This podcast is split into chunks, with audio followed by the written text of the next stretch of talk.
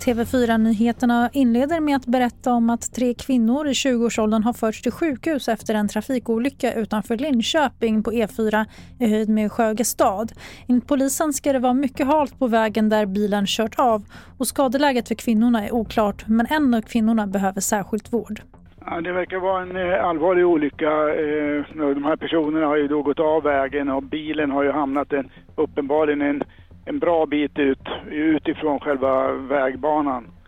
Eh, vi tror att den har voltat någon gång och som sagt det var tre kvinnor i, i bilen visade sig.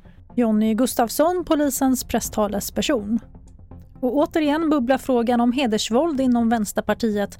Denna gång orsakas debatten av att frågan inte alls nämns i ledningens förslag till valplattform vilket lett till intern kritik, rapporterar Sveriges Radio Ekot.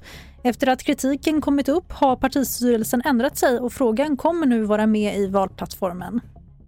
Drönare som kan filma skyddsobjekt, störa flygtrafik och potentiellt byggas om till vapen är ett allt större problem enligt Försvarsmakten. Myndigheten berättar nu att man bygger upp en förmåga att slå ut även små drönare. Tester genomförs med flera nyinköpta system. Enligt försvaret är det framförallt privatpersoner som inte följer reglerna när de flyger det finns nära 400 registrerade drönare i Sverige idag. Och fler nyheter hittar du på tv4.se och i TV4 Nyheternas app. Mitt namn är Tannas Edalat.